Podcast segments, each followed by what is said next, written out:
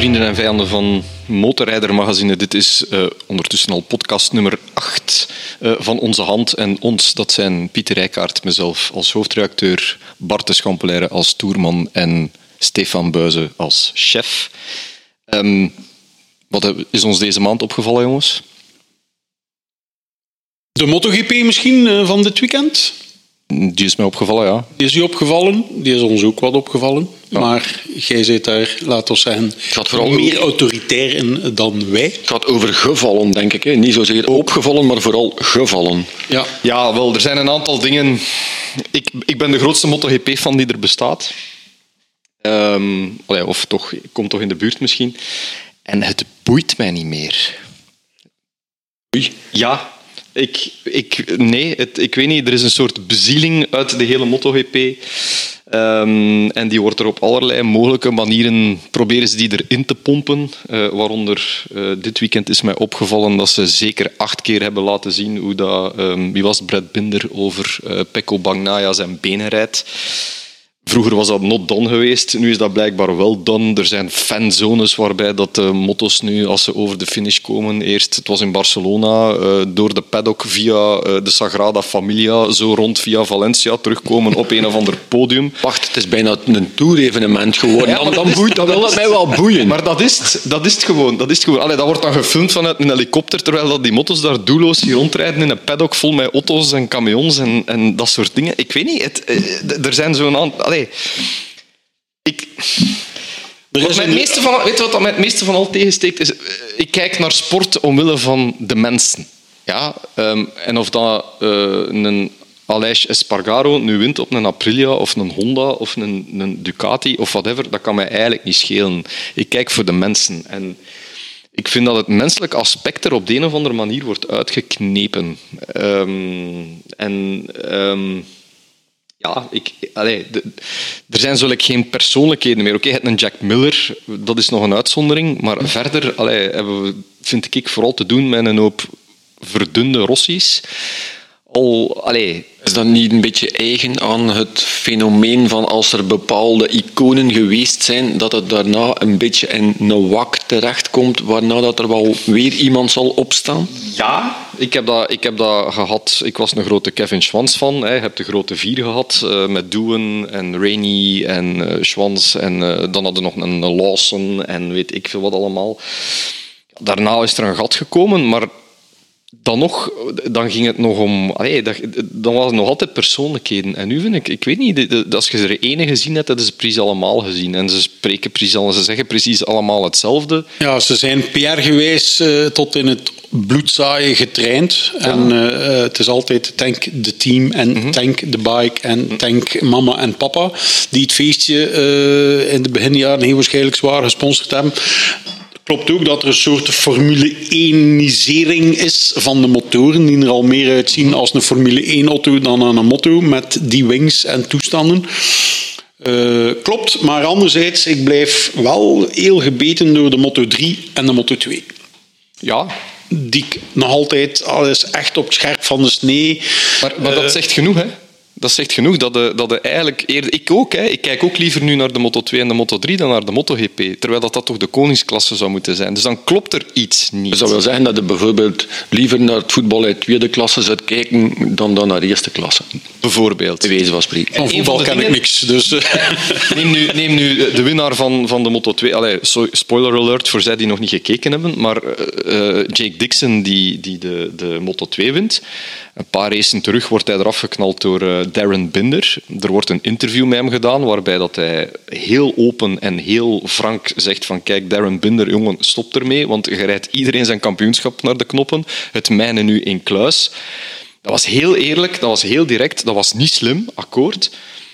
Wel, daar komt een hoop backlash nu op via social media van ja, dat kan niet en dit en dat. Ik vond dat dat moet godverdomme meer gebeuren. Dat is eerlijk. Iemand die de dingen durft te benoemen. Maar ja, ja, en of dat dan nu slim is of niet, wat maakt dat nu uit? Het is eerlijk. En na de koers nadien heeft hij zich dan geëxcuseerd. Al dan niet terecht, of al dan niet, dat weet ik allemaal niet. Maar het was wel eerlijk. En ik vind dat dat, dat ontbreekt gewoon. Allee, ik bedoel, vroeger ja, een, een Schwanz en een Rainy, die stonden elkaar ook naar het leven, die spraken dat ook uit. En dat, dat leefde, dat, je, je wist wat er gebeurde.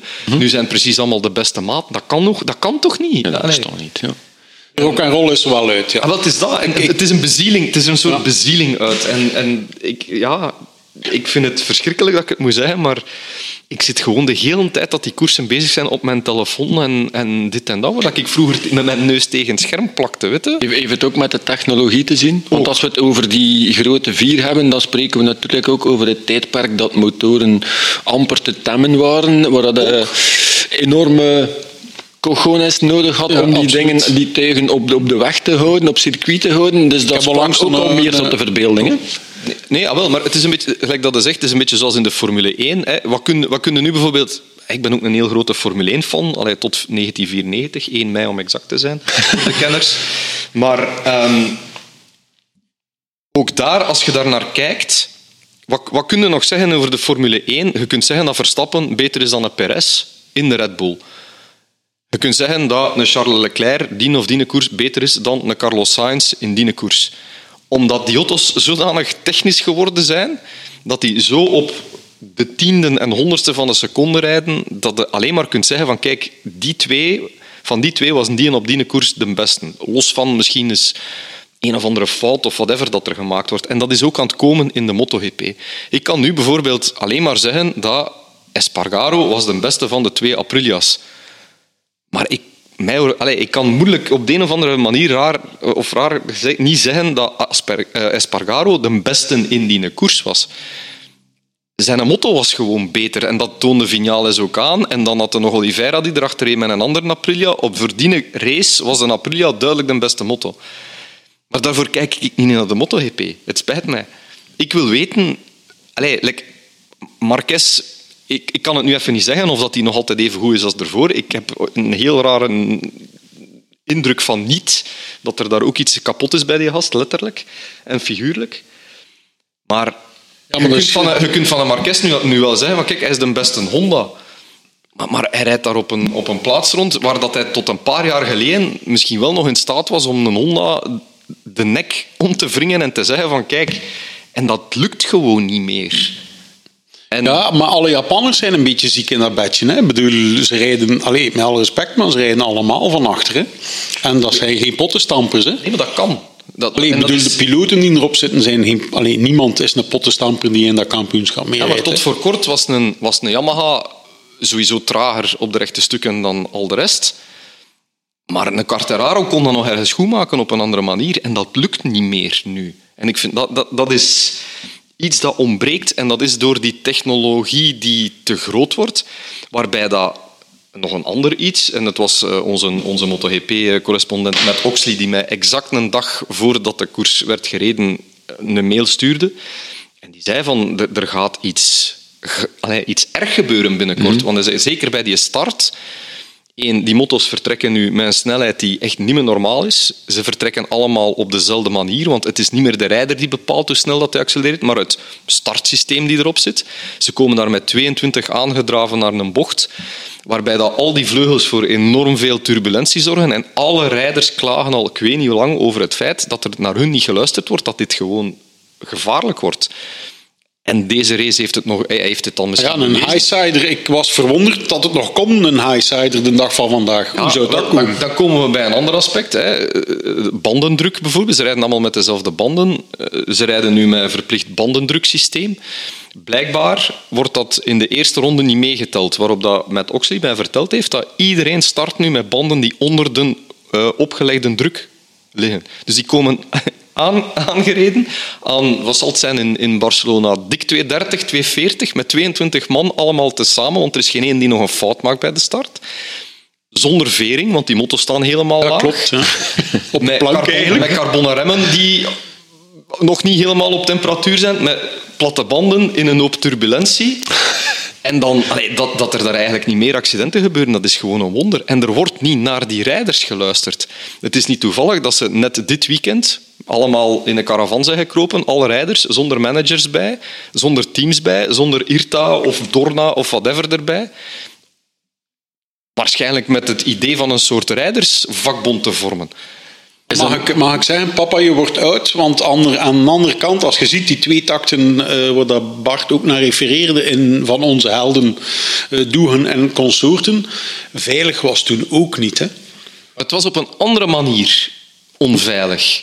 Ik, ik, zeg niet dat we moeten terugkomen naar de highsiders en wat weet ik veel allemaal. Maar de, als, als de rijders zelf die de grootste zotten zijn die er bestaan, laten we het, laten we het allez, gewoon Benoemen, een, koe, ja. een koe noemen. Al races stilzwijgend tegen journalisten zeggen van het is te gevaarlijk aan het worden en er komt geen signaal, want de show is goed. Allee, dan word ik vrij zenuwachtig. Hè? Maar ja, de show is niet goed, hè? Want, een,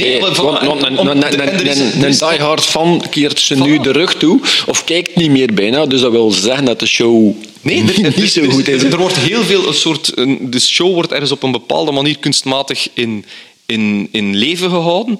En ja, ik ga nog eens naar Matt Oxy refereren. Die refereert heel vaak dat MotoGP is een soort rollerball geworden. Ik weet niet of je die film kent. Ja. Ja, wel, dat is een beetje dat idee. Ja. Waarbij dat hij zegt van... Kijk, en, en dat nu, die, bijvoorbeeld dat, dat ongeval met, met Bagnaia, acht of negen keer na elkaar wordt uitgezonden vanuit elke hoek. Sorry, maar...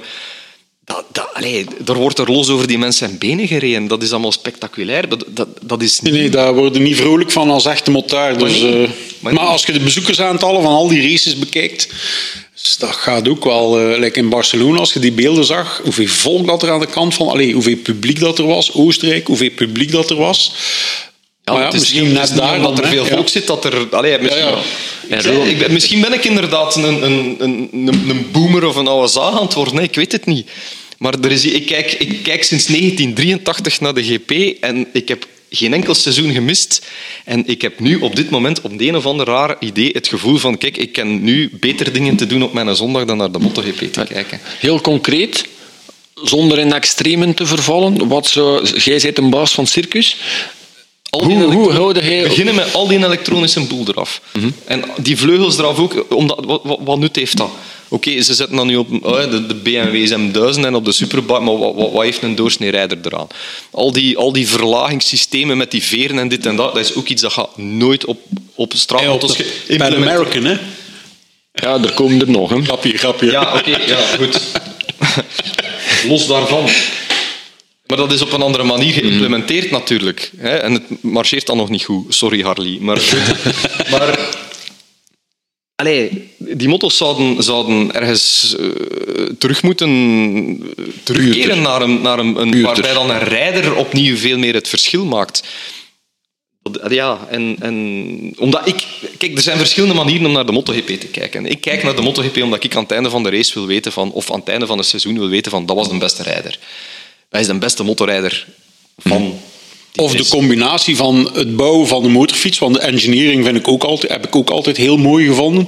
Wat de fabrikant uit zijn hoed tovert om een competitief spel te maken. Gecombineerd met een competitieve rijder, gecombineerd met competitieve banden.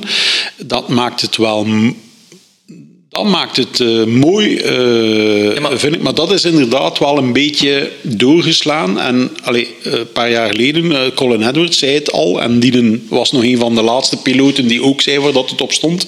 Die zei ze moeten om de zoveel jaar gewoon de reglementen aanpassen. En dat de fabrikanten terug naar de tekentafel moeten.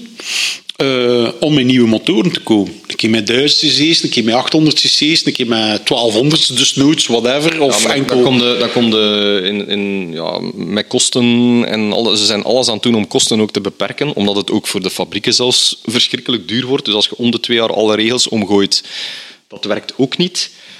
Maar ja, ik bedoel, uiteindelijk sport draait toch om mensen, vind ik.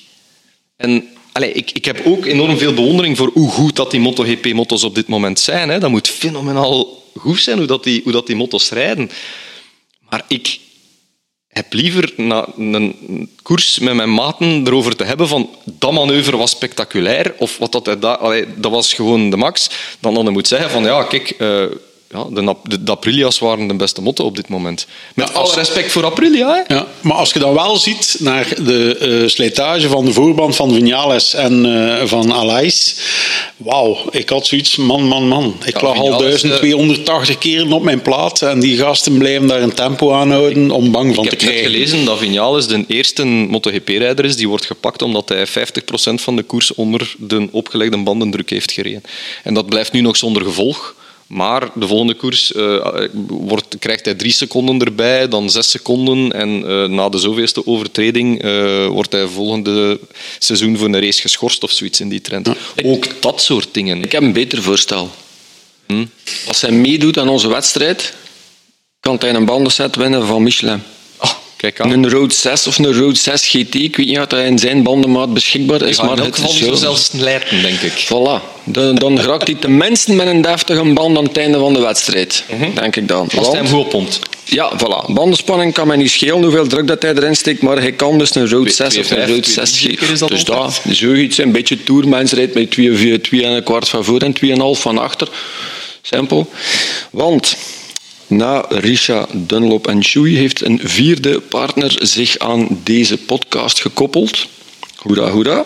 En dat is Michelin. Vandaar dat wij eh, in de komende maand, dit wil zeggen voor 22 september, uw juist antwoord insturen naar info.motorrijder.be. Antwoord op de vrij eenvoudige vraag te vinden op michelin.be. Hoeveel procent meer grip heeft een Road 6 ten opzichte van een Road 5 op nat wegdek? Alsjeblieft. En de vrienden van de statistiek zullen uit deze massa-inzendingen een eerlijke winnaar selecteren. Zwijg, zwijg mij trouwens van statistiek. Hè. Ik heb, eh, ik heb een, een, eh, een verhaal of een, een kort nieuwsberichtje gelezen in eh Psychologie Magazine. Ja, eh, ja, ik ben geen abonnee. Ik ben geen abonnee, maar het is mij doorgestuurd voor alle duidelijkheid. Ja. Ehm, waarbij, waaruit blijkt dat een, er is een onderzoek gedaan waaruit blijkt dat mensen die graag met luide voertuigen rijden een hoge correlatie vertonen met trekken als psychopathie en sadisme. Ik voelde mij redelijk aangesproken. Ehm, ja, omwille van die luide voertuigen. Dus ik, allee, ik heb maar eens goed in de spiegel gekeken om te zien of dat de Vlaamse Jack the Ripper terugstaat, zal ik maar zeggen. Maar ik vond het eigenlijk nog redelijk goed meevallen. Ja, maar allee, ik, heb, ik heb dat onderzoek dan eens, eens opgezocht online. Ehm, en daarin be- begonnen ze al met te zeggen dat ze een persoonlijkheidstest hadden gebruikt die specifiek op zoek gaat naar slechte karaktertrekken. Ehm, omdat de doorsnee persoonlijkheidstest te veel positieve persoonlijkheidstrekken aanbod. Allee, ik weet nu niet veel van zijn mij al statistiek. kwijt, hè, maar Voilà, ik het gaat over statistiek. Blijven dus. volgen, Droes, blijven volgen. Even bij de les blijven. Ja, ik weet niet veel van statistiek, maar dat ruikt serieus naar framing, volgens mij. Maar goed. ehm allee, mijn ding is... Allee, ik heb dan eens gewoon letterlijk in de spiegel gekeken en ik heb eens nagedacht over wat dat motorgeluid met mij doet en, en dat soort dingen. En ik word er eigenlijk blij van. Dus ik denk dat dat per, per definitie bewijst dat ik geen, geen psychopaat ben, want volgens mij kan een psychopaat per definitie niet blij zijn. Dat weet ik niet. Ik bedoel... Maar ik kan, wel blij worden van geluid. Dat is, waar? Ja, absoluut. Geef een voorbeeld. Van welk motorgeluid word jij het blijdst van allemaal? Eerst even- Of het meest psychopathisch? Als ik het meest psychopaat is, dat, dat is vrees ik wel momenteel van mijn Benelli. Mijn TNT 899 die staat nu nog met een ja, redelijk open uitlaat. En ik heb toch de indruk dat de laatste tijd steeds meer mensen zo spontaan weinig blij kijken als ik passeer. En ik overweeg toch om binnenkort de standaard uitlaat er weer op te zetten om de blijheid voor de volledige maatschappij op hetzelfde niveau te brengen als mijn eigen blijheid. Ik denk dat dat... Maar zolang dat ze nog niet sadist roepen, valt het misschien nog wel mee. Ja, Maar- maar terug naar de basisvraag. Geluid op een motto, dat, dat doet wel iets eh, met een mens. En ik denk, een Yamaha, als er iemand is, sound engineering geweest, die een motor kan, iets anders kan brengen of iets moois kan brengen, Zal het wel het merk met de stemvork zijn? Voilà, voilà. Binnenkoppertje. En we hadden een hele periode van zeer gelijk klinkende viercilinders gehad. En of dat het nu technisch zoveel beter was als eh, wat ze, be- ja, wat ze beweerden, Yamaha.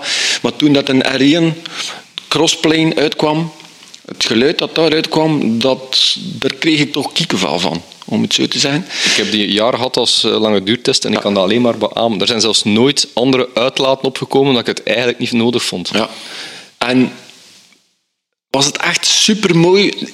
Ik weet het niet, maar het is wel zeer typisch. En het, is, het is super herkenbaar. En gewoon het idee al, ik zoiets van, ja, dat zouden ze wel op CD mogen zetten, maar er bestaan geen CD's meer, dus het mag vereeuwigd worden. Ik heb vorige week nog eens zien rijden en dat geluid is inderdaad fenomenaal. En je, denkt inderdaad, allez, de, de typische reflex bij een serieuze motar is van er komt een motto af en je raadt aan de hand van het geluid van wat het is. En godverdomme, ja, een R1. Ja.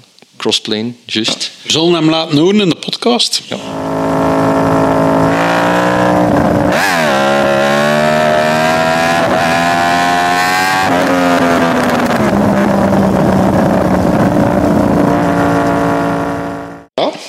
Ja, Dus, ik, ja, ik ik ben heb- eigenlijk eh, het volledige andere spectrum qua eh, geluid.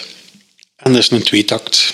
Ik heb daarvoor eh, gekozen voor een Honda NSR 250R van pakweg. Ja, 90 natuurlijk.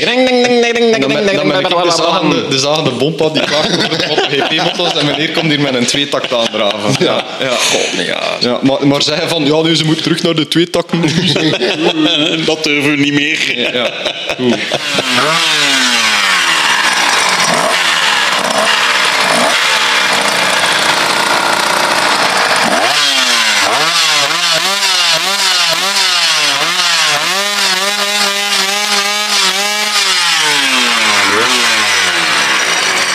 En welke, welke tweetakt mag dat dan wel zijn? Ik kan hem niet direct thuis brengen. Ah, de Honda NSR eh, 250R. Oeh. En specifiek die? Ja, Ja. ik heb er ooit mogen mee rijden. het waar? Op circuit, eh Vollambray, van eh, Patrick de Vleeshouwer. Ik ben eh, de man er eh, enorm erkentelijk voor. Ik vond dat een ongelooflijke ervaring. Ik, denk, ik denk niet dat ik dat ooit al in levende lijven gezien, laat staan, gehoord heb. Ja. Oké, bijna, bijna jaloers. Ja. Maar ehm, Bijna. Ja, Want nee, jij als, kunt als beter. psychopaat ben ik daar niet toe in staat om het gevoel jaloezie te, vinden- te, te voelen. Dus kijk, voilà. Oké. Maar ehm, bij mij is dat, is dat heel simpel. Eh, ik kan u terugnemen naar de plaats waar dat ik ergens op een of andere eh, zomerdag ehm, een Ducati 888 SP5 hoorde aankomen. Eh, die draaide de gas dicht, dat spel roffelde en deed. En die stuurde de bocht om, ging vol op de gas. En ik denk dat daar ergens mijn teelballen zijn ingezakt of zo. eh, op dat moment of zo. Ik, dat is, eh, die toen nog met twee waren trouwens.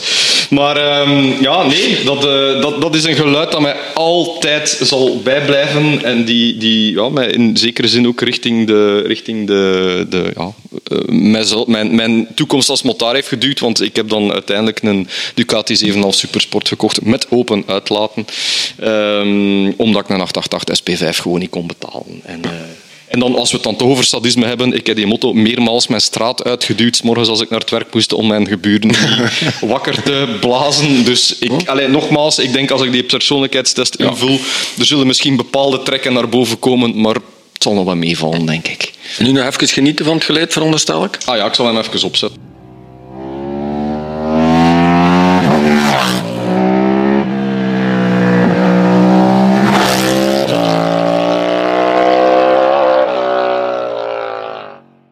Zullen we het over Ducati hebben dan?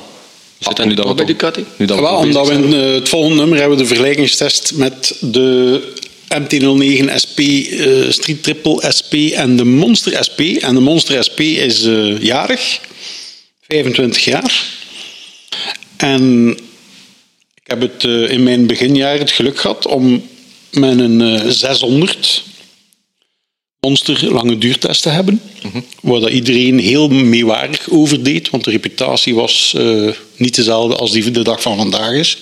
En buiten het moeilijk starten heeft Maar- hij mij eigenlijk amper in de steek ooit echt gelaten. problemen mee gehad? Nee, Voilà. nee. Hetzelfde met mijn supersport. Het enige dat ooit kapot is gegaan is de regulator en dat was een Japans onderdeel. dus, Nee, want eh ten huize hebben we ooit een Monster 620 gehad. Uh, blijft een zalige motto. Het enige dat ik nu wel mis, uh, nu dat we toch met die lage cilinderinhouden monstertjes bezig zijn, is dat de dag van vandaag de monster die nu op de markt is, onder de 11 pk, heeft men 93 newtonmeter uh, koppel, is van opstappen weinig sprake. Dus daar vind ik dan wel heel jammer dat Ducati zo niet meer een monster heeft, waar je toch uh, motorrijden wordt meer en meer populair, of is meer en meer populair uh, bij uh, de dames, als ook bij jonge gasten. zien we toch weer enige beweging aan het aantal rijbewijzen die uitgedeeld worden, of afgelegd worden, liever gezegd. En dan mis ik eigenlijk een monster. Ja, uit de vergelijkingstest komt er ook duidelijk naar voren dat het de beste motor van de drie is, op voorwaarde dat je een ervaren motorrijder bent. Je moet, je moet toch al enige bagage hebben om, daar, eh, om het volle potentieel van die motor te benutten. Dus inderdaad, ja, ik kan dat alleen maar beamen dat er aan de onderkant toch wel een, een karakter, of een makkelijk te bereiden monster zou, zou mogen bijkomen. Hmm. Misschien bijkomen. Hè? Dat vind ik inderdaad wel juist bijkomen. Je moet er, die, rol, voor die, rol, staan. Die rol van de instapper bij Ducati is natuurlijk overgenomen door de Scrambler. Um, daar kan ik getuigen, doordat ik met de nieuwe al gereden heb, dat die een stuk vriendelijker rijdt dan de allereerste Want de eerste versie was op dat gebied ook ernaast. absoluut, absoluut. Maar zowel qua motorkarakter als qua veerafstelling vond ik die een stuk soepeler rijden. Veel meer op de leest van beginners geschoeid. Langs de andere kant is het wel een 800. Hè. Ze hebben nooit eens, wat was dat, 62 400 gehad, maar dat ding was gewoon veel te duur ik denk dat de Kati daar inderdaad een, een, een ja, groot potentieel laat Alle andere merken, van Triumph tot weet ik veel wat, die brengen allemaal 400 cc's en dat soort dingen op de markt. Ehm, en zij doen het niet. Ik denk dat zij daar iets laten. Zeker voor een merk dat na de Tweede Wereldoorlog als motorbouwer eh, begonnen is met zeer lichte 125, 2,5, dat soort dingen.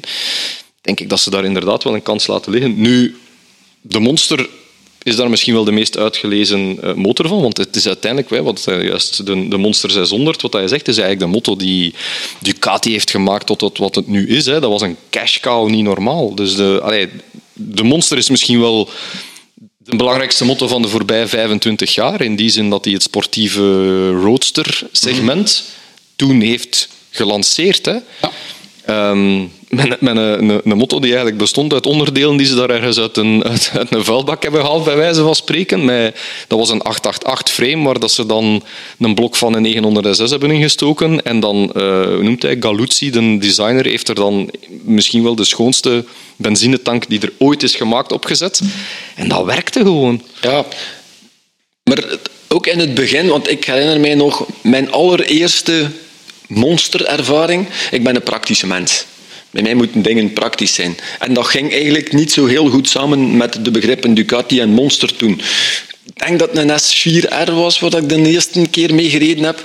En toen dat ik en van de parking moest halen en kort terugdraaien en al vier keer moest steken met die camion, dan had ik al zoiets van, is dit nu de legendarische monster waaruit iedereen hoeha over spreekt? Dat, dat, was al, dat, was al, dat was een monster al op steroïden en, en wat weet ik van, maar dat, dat was de puurheid van die monster er al uit. Hè. Mm. De, de, eerste was een hele pure motto. En een be allee, geen beest van een motto, maar, maar dat, dat, was, ja, daar moesten mee rijden. Hè. Ronde, allee, rotondes was met de koppeling en met nachterrem. En anders, ja, dat was iedere, iedere, iedere bougie die aanvuurde, stond, stond een afrit verder, bij wijze van spreken. Dus dat, dat, dat, allee, maar dat is waarom dat ik mijn NSS nog altijd heb. Hè. Dat is, dat is daar nul practicaliteit... Nee, pra praktische kant aan ging bijna goedkeuren. niet bestaan. Ja. Statistisch gezien ja, keur, ik dat goed. Voilà. Maar, uh, maar ja, maar ik, ja, dat is een van de motto's die ik nog altijd meest van al wil. Is een originele 900 monster. Het probleem je vindt ze bijna niet meer. Hè. Dat is, die zijn allemaal letterlijk verneukt en gedaan. Dus, uh, maar maar zo'n belangrijke motto. Omdat zonder de monster geen speedtripples, geen... You name it, hè. Die, die, mhm. die zijn er allemaal niet. Hè. Dat, dat, dat, dat allee, tot dan waren sportieve nakeds, waren... Wat was dat? De CB 1300 Big One en wat weet ik voor allemaal op zich plezante motto's. Allee, ja. wil, ook dat zou ik nog... Ja, ik wil alles, hè. Dus ja, maar...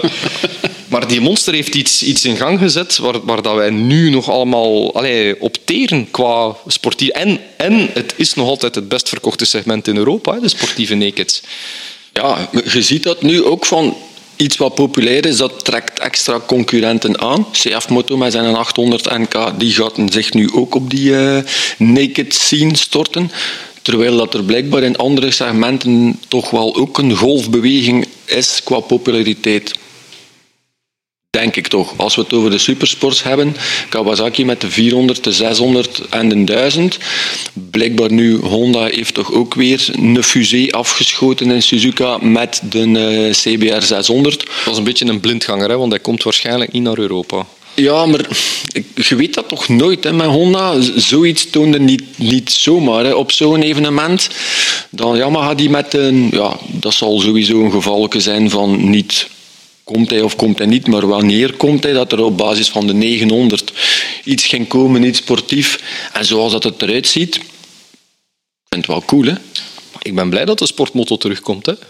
Het mag wel eens iets anders zijn dan de zoveelste allroad. Allee, ik ben een allroad, een allroad fan, maar ja, ik, ik, ben, ik ben motara geworden omwille van sportieve motto's. Hè. En dat segment is volledig doodgeknepen en blijkbaar ja, kruipt het bloed toch ergens waar het niet gaan kan, zeker. Dus uh, ja, ik, ik, word daar... Ik word daar uh, we zijn terug bij de allereerste podcast nu. Ja. Ik word daar blij van.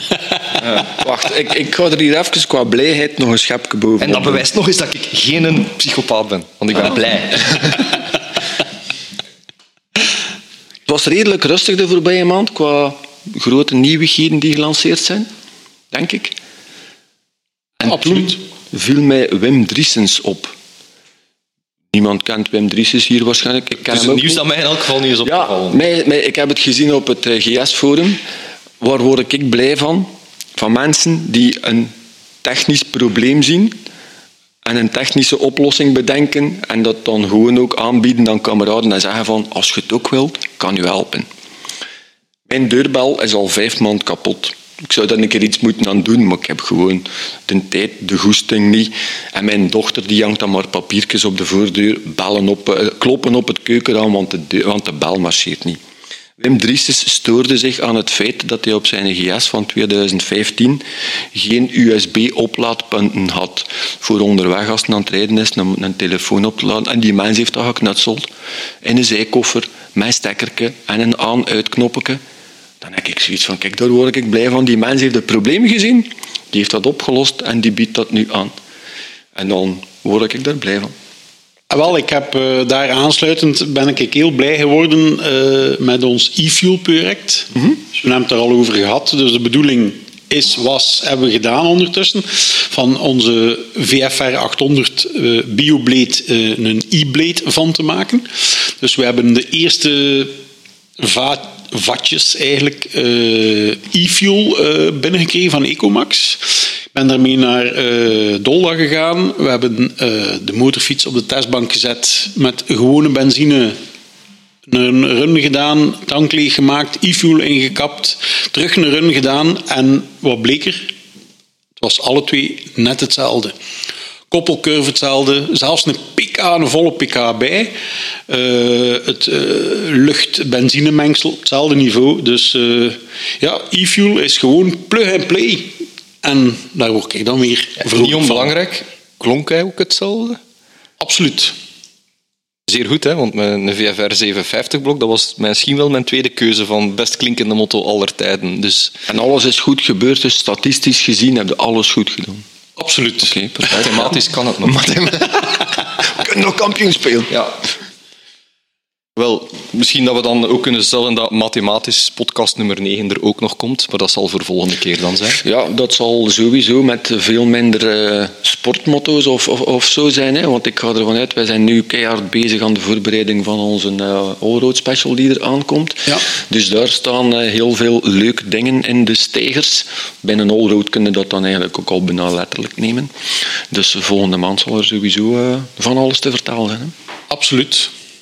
Goed, dan zien we elkaar, of horen we elkaar beter volgende maand. Tot dan. Joep.